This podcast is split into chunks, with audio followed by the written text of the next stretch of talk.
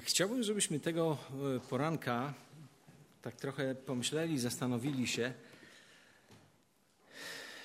nad tym, co to znaczy, że wierzę. Czym jest wiara? Na czym polega wiara? I zacznijmy od przeczytania pewnego fragmentu z Ewangelii Marka, 16 rozdział, to jest końcówka tej Ewangelii, 15 i 16 wers. I go cytujemy. To są słowa Jezusa. Idźcie do najdalszych zakątków świata i głoście tam dobrą nowinę wszystkim bez wyjątku. Kto uwierzy i zostanie ochrzczony, będzie zbawiony. A kto nie uwierzy, będzie potępiony. W tym fragmencie Jezus podkreśla dwie rzeczy. Jedną z nich jest chrzest. Ale żyjemy w kraju, gdzie ponad 90% ludności zostało ochrzczonych.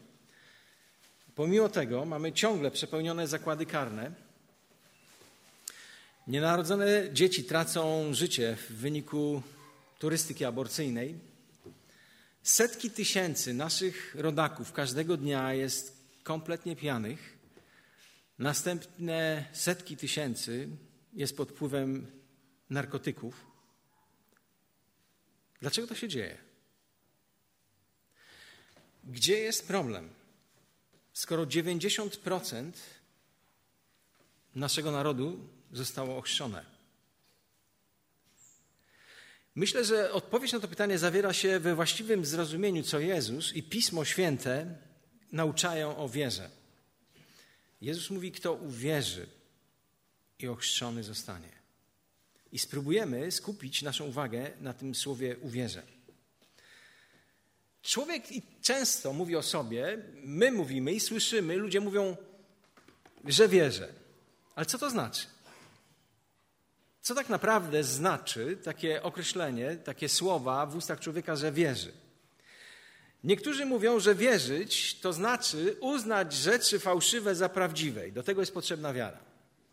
Żeby uwierzyć w coś, co nie jest prawdą. Część w ten sposób definiuje wiarę. I, niektórzy, I im coś bardziej jest nieprawdopodobnego, tym większa musi być wiara. Inni uważają, że wiara to jest intelektualna zgoda, akceptacja tego, jak postrzegam rzeczywistość. Wierzę, bo chcę mieć podstawę odnośnie e, tego rozumienia i postrzegania świata. Niektórzy mówią tak, wierzę, co to znaczy? Przyznaję ten e, fakt, zgadzam się z tym, że istnieje Bóg. Ale czy to jest wiara, o jakiej mówi Jezus i o jakiej mówi ta księga, i czy tego rodzaju wiara cokolwiek zmienia w moim życiu? Apostoł Jakub w swoim liście pisze tak, cytuję: Ty wierzysz, że Bóg jest jeden? Pięknie. Demony również wierzą i drżą. Może być tak, że Twoja wiara jest gorsza od wiary demonów, bo one nie tylko wierzą, że jest jeden Bóg, to jeszcze Biblia mówi, że przed nim drżą, a ty wierzysz i wcale nie szanujesz Boga, a się nim nie przejmujesz. Czyli podejrzewam, że masz wiarę gorszą od wiary demonów. Jest takie też powiedzenie: Ja jestem wierzący, ale nie praktykujący. To tak, jakby ktoś powiedział: Jestem abstynentem, tylko że nie praktykuję. Jestem dziewicą, ale nie praktykującą. Tyle jest sensu w powiedzeniu: Jestem wierzący, nie praktykujący. Część ludzi myśli o sobie, że mają wiarę, bo gdy są problemy, nieszczęścia, trudne chwile, niebezpieczeństwo, niepewność, to w takich chwilach zwracają się do Pana Boga. I skoro tak się dzieje, mówią o sobie, że są ludźmi wierzącymi. Jeszcze inni myślą o sobie, że mają wiarę, no bo co? No bo chodzą do kościoła, spełniają jakieś obrzędy religijne, więc to jest świadectwem tego, że wierzą. Niektórzy myśl, mylą wiarę z wyznaniem chrześcijańskim, z denominacją chrześcijańską. Ale jaka jest biblijna koncepcja wiary? Nazwę ją wiarą zbawiającą. Co Biblia mówi o takiej wierze? Pytanie do każdego z nas. Dlaczego spodziewasz się, że będziesz w niebie?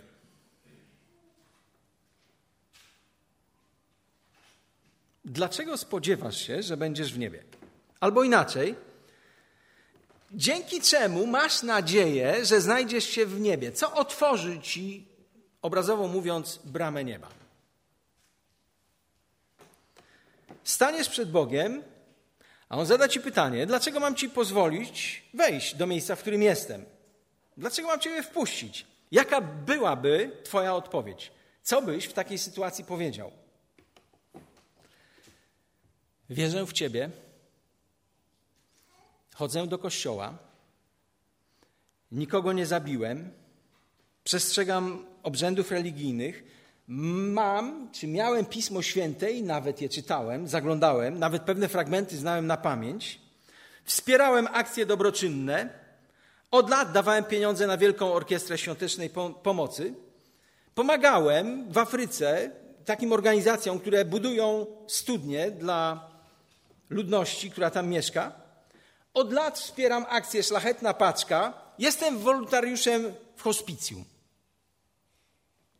Daję pieniądze na dobre rzeczy, daję pieniądze również w kościele na tacę. Ale gdy tak myślisz, gdybyś miał takie argumenty, to chciałbym, żebyś coś sobie uświadomił. Chodzę do kościoła, nikogo nie zabiłem, czytam pismo, wspieram, daję, jestem wolontariuszem, ciągle mówisz i ufasz komu?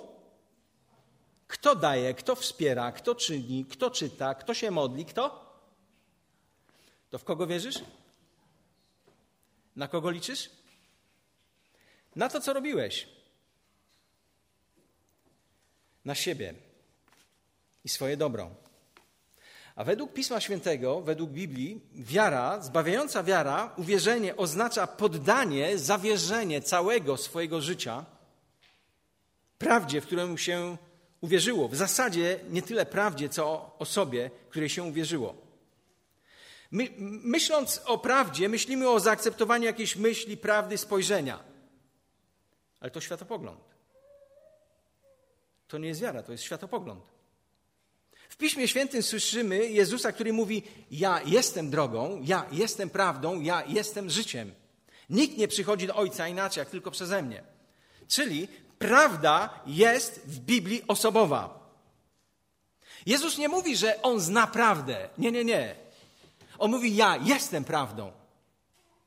On nie mówi: Ja Wam powiem ciekawe rzeczy na temat życia. On mówi: Ja jestem życiem. On nie mówi: Ja Wam wskażę drogę. Jak pójdziecie za tymi wskazówkami, to wylądujecie w niebie. Nie, nie. On mówi: Ja jestem drogą. Wiara zbawiająca nie jest przyjęciem poglądu, myśli, idei, idei, ale jest przyjęciem osoby Jezusa Chrystusa. I przeczytamy fragment Ewangelii Świętego Jana, pierwszy rozdział tej Ewangelii, pierwszych 14 wersetów. Ewangelia według świętego Jana, pierwszy rozdział od 1 do 14, ale zanim to zrobimy jedna uwaga. Jak zauważysz, tekst używa bardzo często takiego, takiego zwrotu słowo, słowo, słowo. Czternasty werset mówi: Słowo zatem stało się ciałem, pełne łaski i prawdy, zamieszkało wśród nas i zobaczyliśmy Jego chwałę jako jedynego zrodzonego, który pochodzi od Ojca. I teraz przeczytam ten tekst, za każdym razem wstawiając tam, gdzie jest użyte słowo, ten wyraz słowo, wstawię albo imię Jezusa Chrystusa, albo Jezus, albo Chrystus. Słuchajmy, na początku był Jezus. Jezus był u Boga i Bogiem był Jezus. On był na początku Boga. Wszystko dzięki Jezusowi się stało, z tego co istnieje. Nic się nie stało bez Jezusa. W Jezusie było życie. Jezus był światłem ludzi. Światło w świeci w ciemności, a ciemność go nie ogarnia. Pojawił się człowiek posłany przez Boga, miał na imię Jan, przyszedł jako świadek, by zaświadczyć o Jezusie, by dzięki niemu wszyscy uwierzyli. Nie był on Jezusem, miał jedynie, to znaczy Jan, miał jedynie o nim zaświadczyć. Na świat bowiem naciągało prawdziwe światło, Jezus, który oświeca każdego człowieka. Jezus przebywał na świecie i dzięki Jezusowi świat powstał, ale świat Jezusa nie poznał. Przyszedł Jezus do swego, swoi Jezusa nie przyjęli. Lecz tym wszystkim, którzy Jezusa przyjęli, dał przywilej stania się dziećmi Boga. tym, którzy wierzą w imię Jezusa, którzy narodzili się nie z krwi ani z woli ciała, ani z woli mężczyzny, lecz z Boga. Jezus stał się ciałem, pełne łaski i prawdy, zamieszkał wśród nas. I zobaczyliśmy Jego chwałę jako jedynego zrodzonego, który pochodzi od Ojca.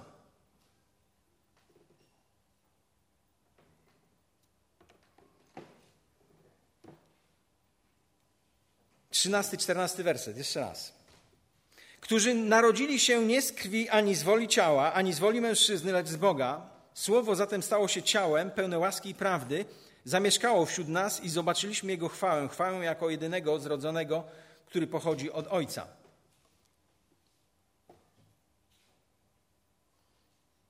Tym zaś, którzy Go przyjęli.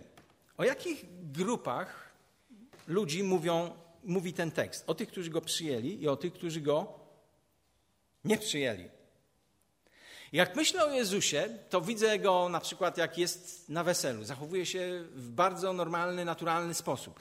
Gdy powstaje tam problem, to myślę o Nim jako o tym, który każe, daje rozkaz, żeby napełniono stągwie wodą. Ta woda zamienia się w wino. Jest po prostu tam, gdzie są ludzie. Jest jednym z nas.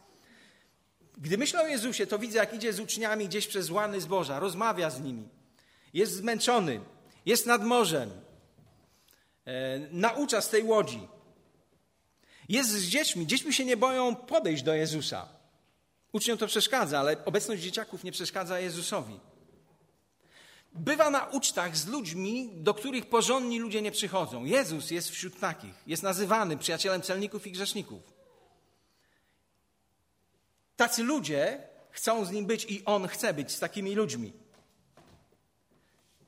Jezus nie jest klasztornym pustelnikiem, nie, jakimś, nie, nie był kimś wystrzelonym w kosmos, jakimś świętoszkowatym człowiekiem, który bez przerwy swoje życie spędzał w świątyni.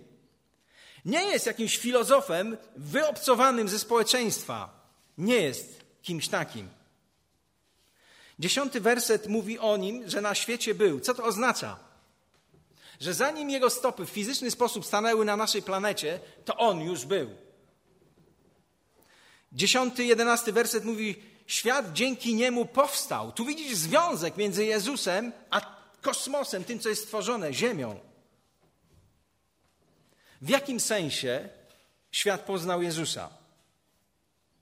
Lekarz, nauczyciel, dobry człowiek, cieśla z Nazaretu, syn Marii.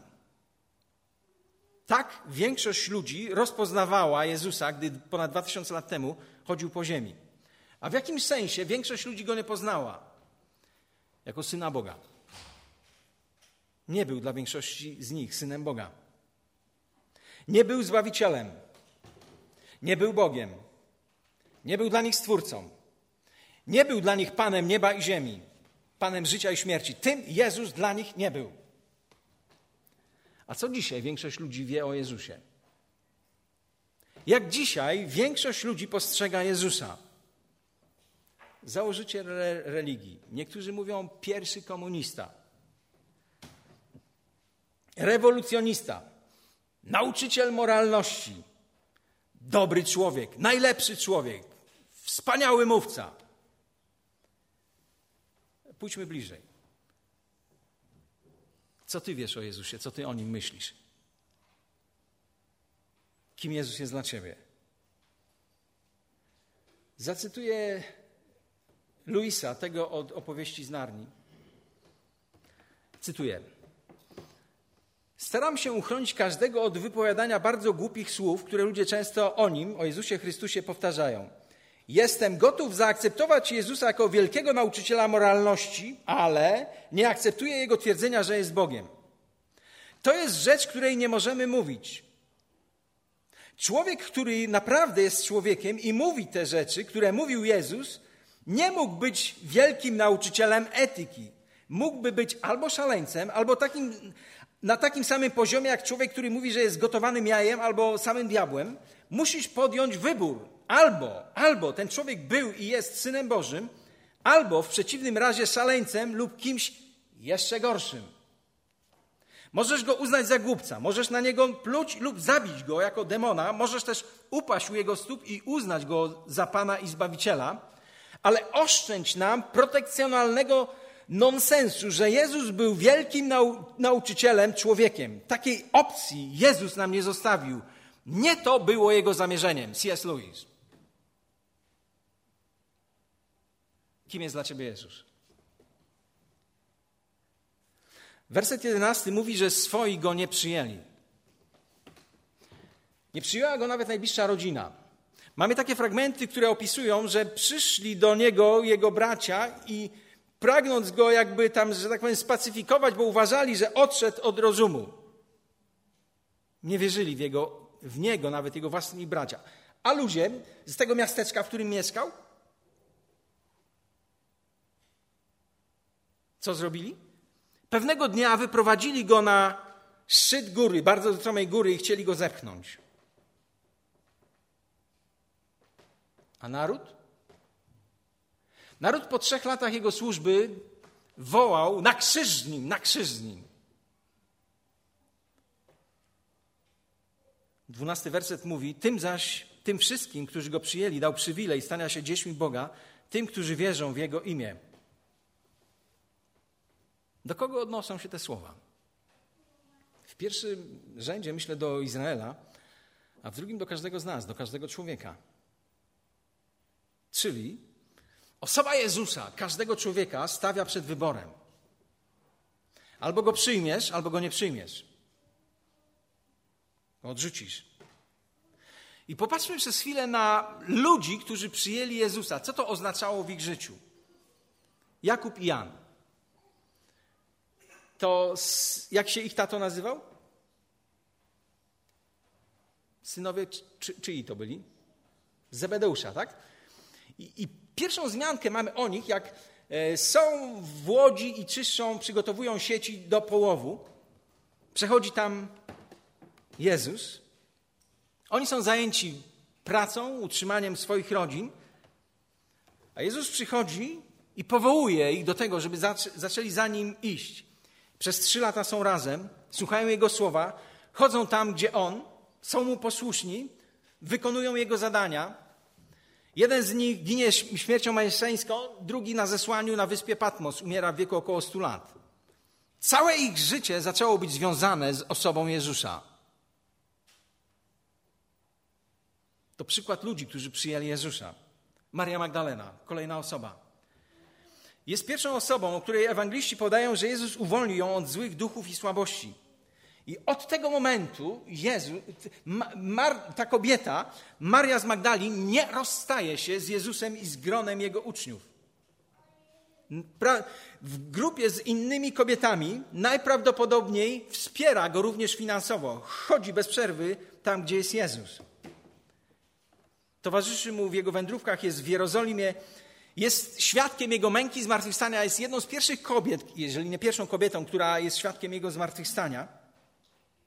Dla niej nie ma życia bez Jezusa. Stał się dla niej wszystkim. To znaczy przyjąć Jezusa. To znaczy znaleźć się w miejscu i sytuacji, kiedy Jezus jest dla mnie wszystkim. Kolejny człowiek siedzi gdzieś w takim urzędzie celnym kolaboruje i pracuje na rzecz okupanta. Pewnego dnia przychodzi tam Jezus. Tego dnia nie siedział przy tym urzędzie, jak mijał go Jezus, ale tego dnia schował się w las na drzewo, prawda? Tak bardzo chciał zobaczyć Jezusa. Jezus go wypatruje i jedno krótkie słowo: Dziś chcę być w Twoim domu. I co on robi? On przyjmuje Jezusa do swojego domu. I co zaczyna się dziać? Robi wielką imprezę dla swoich przyjaciół, celników, grzeszników. I wiesz, co w czasie tego wydarzenia robi? Wstaje i mówi: Jeżeli kogoś okradłem, to oddam trójnasób. Tak? A jeżeli kogoś oszukałem, to w czwórnasób. Coś tutaj, kto mi pomoże ten cytat przytoczyć? W czwórnasób.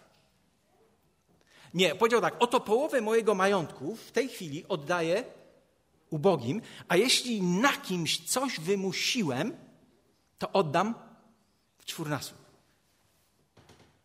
Mamy zły obraz Mateusza. To nie był taki wielki złodziej, bo jakby wszystko było, co on miał, pochodziło z kradzieży, to, to jakby mógł jeszcze połowę e, oddać i połowę zostać. Do... On nie był takim złodziejem, jak o nim myślimy. Ale zobacz, co przyjęcie Jezusa sprawiło w jego myśleniu, w tym, co posiadał w stosunku do innych ludzi. Czy przyjęcie Jezusa wpływa na to, co się dzieje z, z Twoją relacją do Twoich przyjaciół, do Twoich pieniędzy, do tego, czym dysponujesz?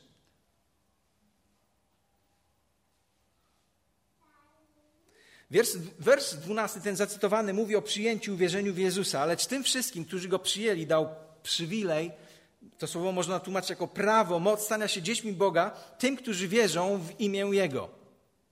Zwróćmy uwagę na relację, związek pomiędzy uwierzeniem w Pana Jezusa a przyjęciem Go. Ten tekst tak naprawdę stawia znak równości pomiędzy uwierzeniem a przyjęciem Jezusa. Jest potężna różnica pomiędzy przyjęciem gościa a jakiegoś prezentu. Zgadza się? Nie przyjmujesz tak samo prezentu jak gościa. Mam nadzieję, że tak nie traktujesz gościa jak prezent. Pomyśl przez chwilę, jak przyjmujesz gościa w swoim domu. Co to znaczy? Jak to wygląda? A wyobraź sobie, że tym gościem będzie król. Albo królowa.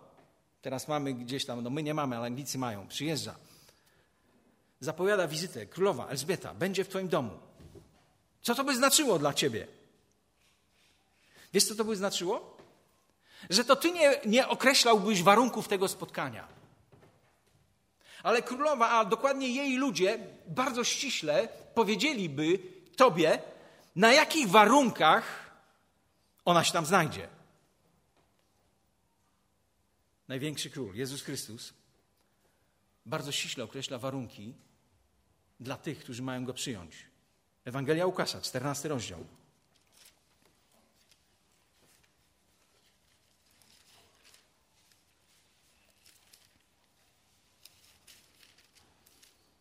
Dwudziesty piąty, dwudziesty siódmy werset.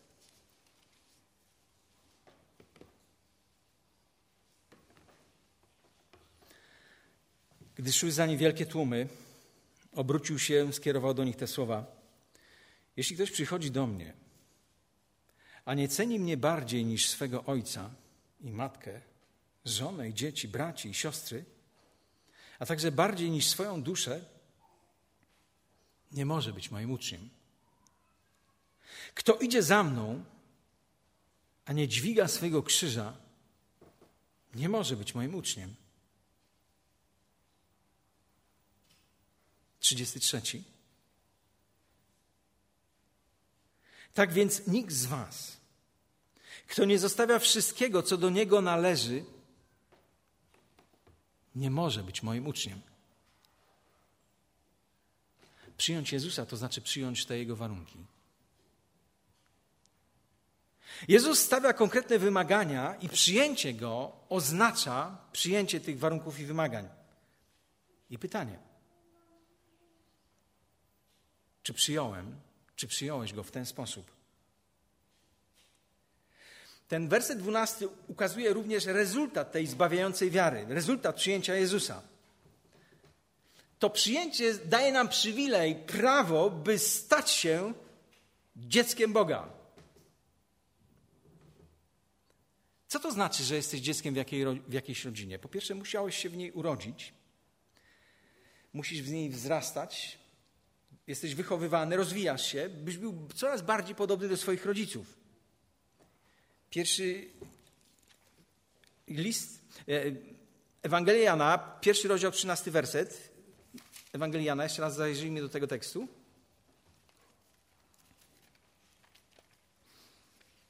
Jana 1,13. Którzy narodzili się nie z krwi, ani z woli ciała, ani z woli mężczyzny, lecz z Boga. Ta sama Ewangelia, trzeci rozdział, 5 do 8.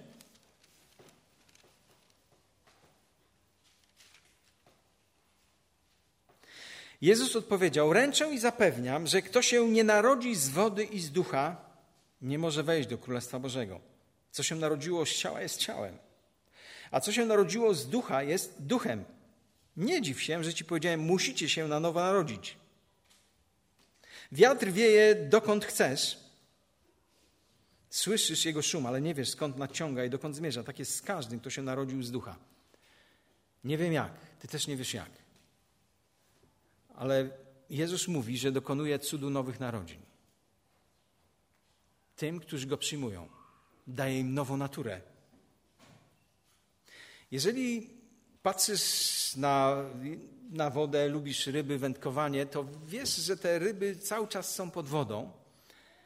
I gdybyś ty byś chciał się znaleźć w takim środowisku jak one, to najwyżej, no nie wiem, dwie, trzy minuty już byłoby po mnie i po tobie, gdybym był cały czas pod wodą, tak? A te ryby sobie żyją. Całkiem nieźle, niektóre całkiem długo. Dlaczego? Bo mają naturę odpowiednią do życia, do bycia w tym środowisku. W miejscu, w którym jest Bóg, to jest święte miejsce. Boża świętość zabiłaby nas naszą, z powodu naszego grzechu. I dlatego taki, jaki jestem, nie nadaje się do tego, żebym był w miejscu, w którym jest Bóg. Więc musi mi dać nową naturę, odpowiednią do tego miejsca, do świętości, jaka jest w Jego obecności.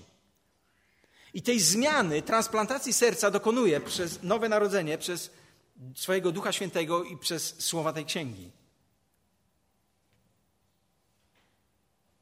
Czyli dzieckiem Bożym tak naprawdę może mnie uczynić tylko Bóg. Ja nie mogę z siebie uczynić dziecka Bożego, ty też. Żaden kościół nie jest w stanie uczynić z siebie dziecka Bożego. Nikt nie jest w stanie dać ci nowej natury. Gdybym chciał być Chińczykiem, wyjechałbym do tego kraju, mieszkałbym przez 30 lat, w sposób idealny opanowałbym język chiński, zwyczaje, kulturę, pokochałbym to jedzenie. Mówiłbym, reagował jak typowy Chińczyk, ale wiesz, pewnego dnia bym umarł i kogoś by zabrakło na moim podrzebie. Rodziców, chińskich rodziców.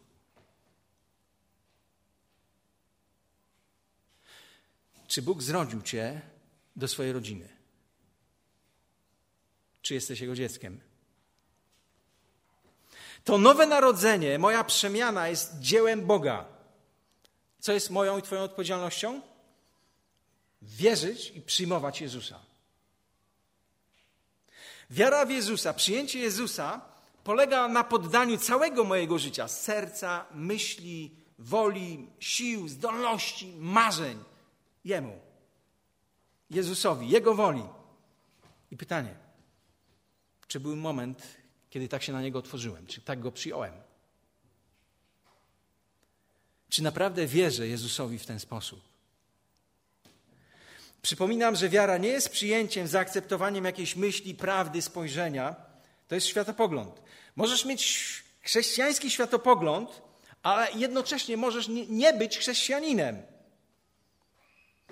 Wiara zbawiająca, biblijna wiara nie jest przyjęciem poglądu, myśli, spojrzenia, pewnej refleksji, idei, a jest przyjęciem osoby. Wejście w relację z tą osobą. Przyjęcie Jezusa jako Pana i Zbawiciela, która ma prawo do tego, kim jestem i do wszystkiego, co mam. Przypominam początkowy tekst. Kto uwierzy i zostanie ochrzczony, będzie zbawiony, a kto nie uwierzy, będzie potępiony. Jeżeli już z tego tekstu i z tego, co słyszysz, wiesz, kim jest Jezus, to możemy powiedzieć, że Jezus jest jak lekarstwo na nieuleczalną chorobę. Wyobraź sobie, że jesteś chory na nieuleczalną chorobę, niebawem umrzesz, idziesz do lekarza, to jest najlepszy specjalista, i on daje ci lekarstwo na tę chorobę, która ciebie zabija. I ty wiesz, wierzysz, wierzysz temu lekarzowi i wierzysz, że to lekarstwo ciebie uzdrowi. Ale czy pytam, czy stajesz się zdrowy i unikniesz śmierci przez to, że będziesz wierzył? Że miał świadomość, że to ci pomoże? Że to jest dobre lekarstwo? Musi się zarząd, zażyć.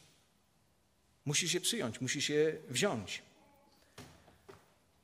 Chorobą człowieka, twoją chorobą jest grzech. Jesteś chory na śmierć. Samo wierzenie w Boga nie uleczy. Co powinieneś zrobić?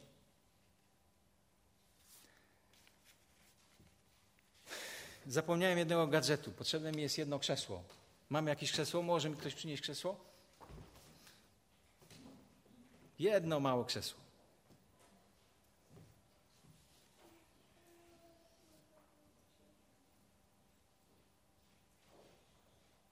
Czekamy na krzesło. No bo ławkę to byłoby nam trudniej tu wnieść. Daniel, obojętnie jak, szybko.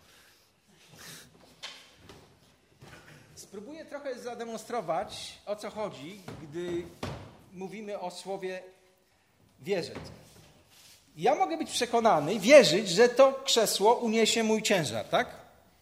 W stu procentach jestem o tym przekonany. Ale czy naprawdę okazuję tą swoją wiarę w tej chwili? A jak tak robię, to, to wierzę, że to krzesło jest w stanie utrzymać mój ciężar? A jak tak robię, to naprawdę wierzę? Wiesz, kiedy wierzę? Teraz. Zupełnie, zupełnie powierzyłem się temu, w co wierzę. Wiesz, co to znaczy uwierzyć w Jezusa? Zupełnie zrezygnować z siebie, z tych, tego podpierania się dobrymi czynami, dobrymi motywacjami i wszystkimi innymi rzeczami. Jeśli chodzi o Twoje zbawienie, przebaczenie grzechów, masz totalnie, zupełnie, do końca zaufać Jezusowi. Jemu się powierzyć. Wierzyć w Jezusa to znaczy mieć świadomość i przyjmować to, że On umarł za mnie, za moje grzechy na krzyżu, zmartwychwstał i żyje. I chce być moim Zbawicielem i Panem. Jeżeli patrzysz na krzesło i wierzysz, że ono cię utrzyma, i tak samo wierzysz w Jezusa, to chcę, żebyś wiedział, że to nie jest taka wiara, jakiej chce Jezus i to nie jest wiara, która cokolwiek zmienia w Twoim życiu. Dopóki, dopóki nie ma zawierzenia, zaufania i zadziałania, oddania mu się całkowicie, w ten czas wierzysz. W ten czas wierzysz. Czy był dzień w Twoim życiu, gdy z tej wiary wszystkich przyszedłeś, przeszedłeś do osobistej wiary, do działania? Czy wierzysz w to, że pójdziesz do nieba, gdy umrzesz? Czy przyjąłeś to lekarstwo na zbawienie od Jezusa na Twoją nieuleczalną chorobę, którą jest grzech? Czy to odebrałeś? Ostatni tekst. Rzymian 10:9. Bo jeśli ustami swoimi wyznasz, że Jezus jest Panem i uwierzysz w sercu swoim, że Bóg wzbudził go z martwych, wiesz co mówi Bóg? Zbawiony będziesz. Usłyszałeś Ewangelię. To, co zrobisz ze swoim życiem, zależy tylko i wyłącznie od Ciebie. Ja już uporządkowałem swoje życie w relacji do Pana Boga. Teraz jest Twoja kolej. Nie mogę tego zrobić za Ciebie, nikt tego nie może zrobić za Ciebie, żadna instytucja, żaden kościół nie może zrobić tego za Ciebie. Decyzja jest Twoją. To, gdzie spędzisz wieczność, zależy od tego, co zrobiłeś albo czego nie zrobiłeś, jeśli chodzi o osobę Jezusa.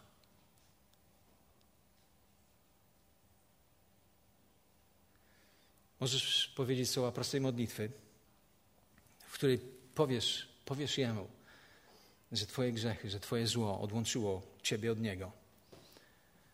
Możesz powiedzieć proste słowa, w których poprosisz Go o przebaczenie. Możesz powiedzieć proste słowa, w których podziękujesz Mu za to, że umarł za Ciebie, za Twój grzech na krzyżu. Nie za wszystkich. On też to zrobił. Ale może po raz pierwszy powiesz, że dziękujesz za to, że zrobił to dla Ciebie, za Twój grzech. Może powinieneś mu powiedzieć, że wszystkiego nie rozumiesz, ale chcesz, żeby Jezus był w Twoim sercu, że chcesz być Jego dzieckiem, że zapraszasz Go do siebie i chcesz, żeby wszystko było do Jego dyspozycji, żeby był kimś najważniejszym, dla którego się budzisz, marzysz, pracujesz, wydajesz pieniądze, żeby był wszystkim. Pochylmy nasze głowy.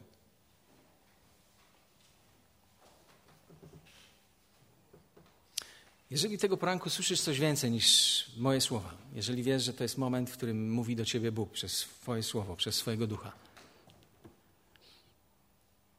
to jaka jest Twoja decyzja odnośnie Jezusa? Czy jest ktoś, kto nigdy w taki świadomy sposób nie wyznał grzechów i nie zaprosił, nie przyjął Jezusa, by stał się Jego Zbawicielem i Panem? Jeżeli nigdy tego nie zrobiłeś, to dzisiaj jest najważniejszy moment Twojego życia.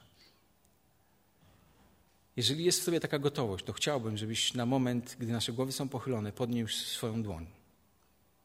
To będzie świadectwem Twojej decyzji i zachętą do tego, żebyśmy się z Tobą i o Ciebie modlili. Czy jest ktoś taki?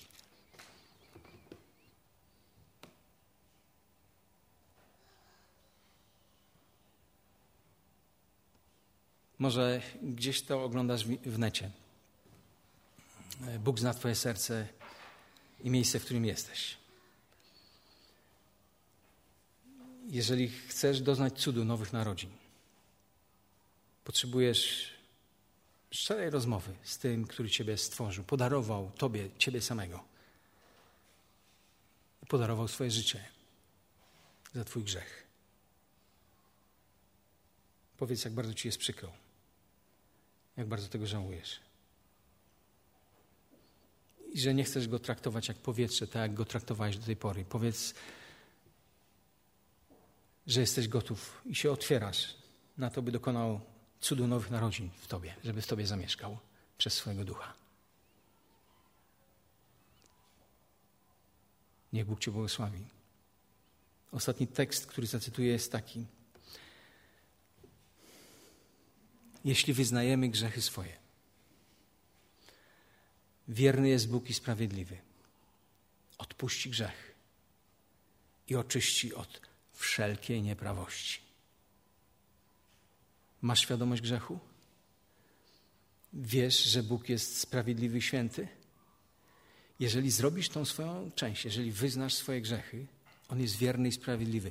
Odpuści i oczyści od wszelkiej nieprawości. Jaka jest Twoja decyzja?